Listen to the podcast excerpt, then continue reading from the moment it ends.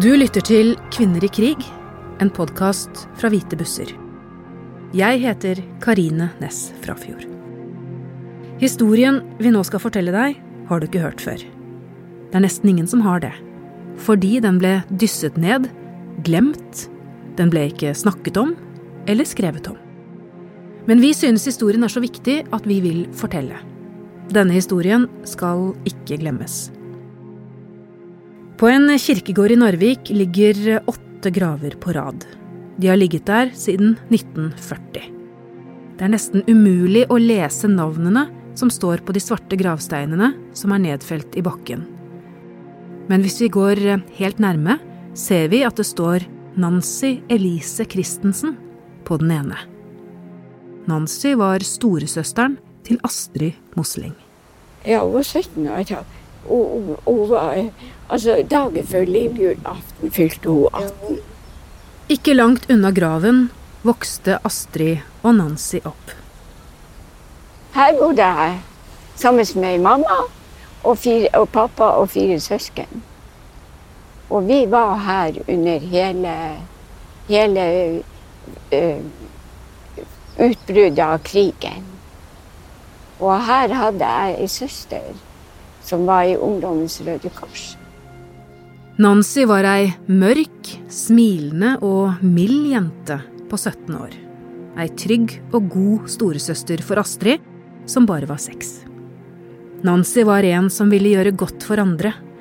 Da kampene om Narvik sto på som verst etter at tyskerne angrep 9.4.1940, var det ikke mange sivile igjen i byen. De fleste av de 10 000 innbyggerne hadde flyktet til familie eller hytter i fjellet over sjøen. Bare noen hundre sivile var igjen i Narvik. Nancy og hennes familie var blant dem. Da flyktningene rundt på hyttene gikk tomme for mat, gjorde Nancy og venninnene hennes det de kunne for å hjelpe, ved å frakte forsyninger fra matlagrene i Narvik med båt over fjorden fra Taraldsvik. Kristoffer Østnes er formidler ved Krigsmuseet i Narvik. Han kjenner godt historien om Nancy. Den 5. mai så reiser ei lita gruppe over fra Øyjordsida, altså hvor Bjerkvik ligger, på den sida av byen, inn til Narvik. De legger til båten nede i Talsvikfjæra, går opp til byen, får henta ut en del mat, får lagt det tilbake igjen i den åpne fiskebåten. Og mens de står der nede og holder på å pakke inn, så kommer det et skip fra den kongelige britiske marina seilende inn fjorden. Og de ser jo at her er det aktivitet nede i fjærsteinene. De var nok ikke sikre på hvem det egentlig som er der. Så de i kikkertene, så ville de iallfall ha sett at her var det mennesker i dameklær.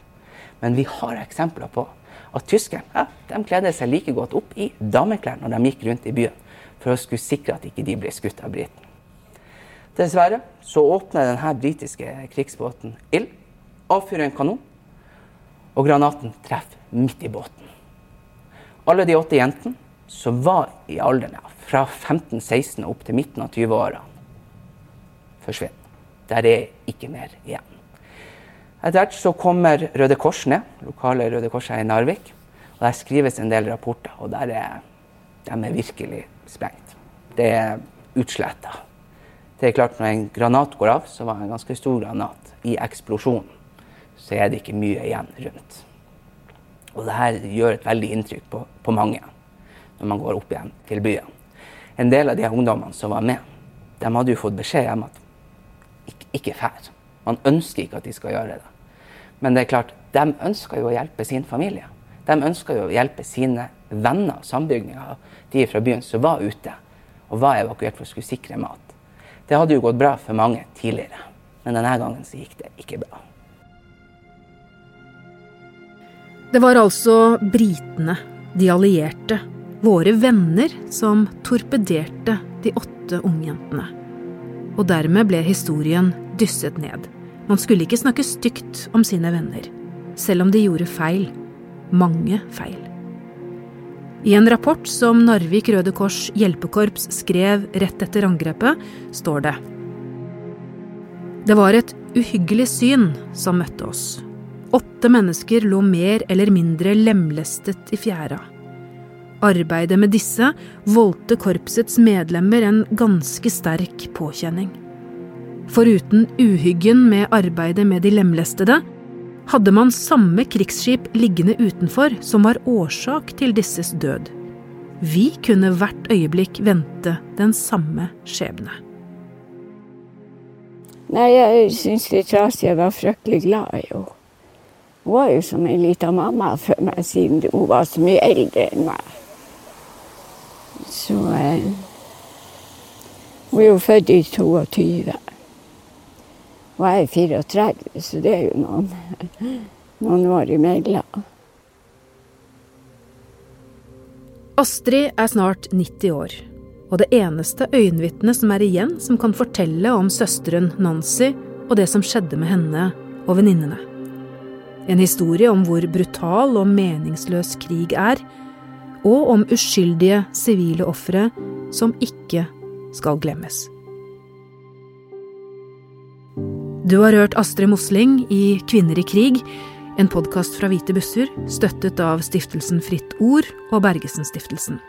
Takk til Kristoffer Østnes og Narviksenteret, Krigsmuseet i Narvik, for god hjelp. Dette intervjuet ble tatt opp i 2022 som et ledd i Hvite bussers arbeid for å bevare tidsvitnenes historier for ettertiden. Lyddesign er ved Frode Ytterarne. Jeg heter Karine Næss Frafjord. Takk for at du hører på og holder historien levende.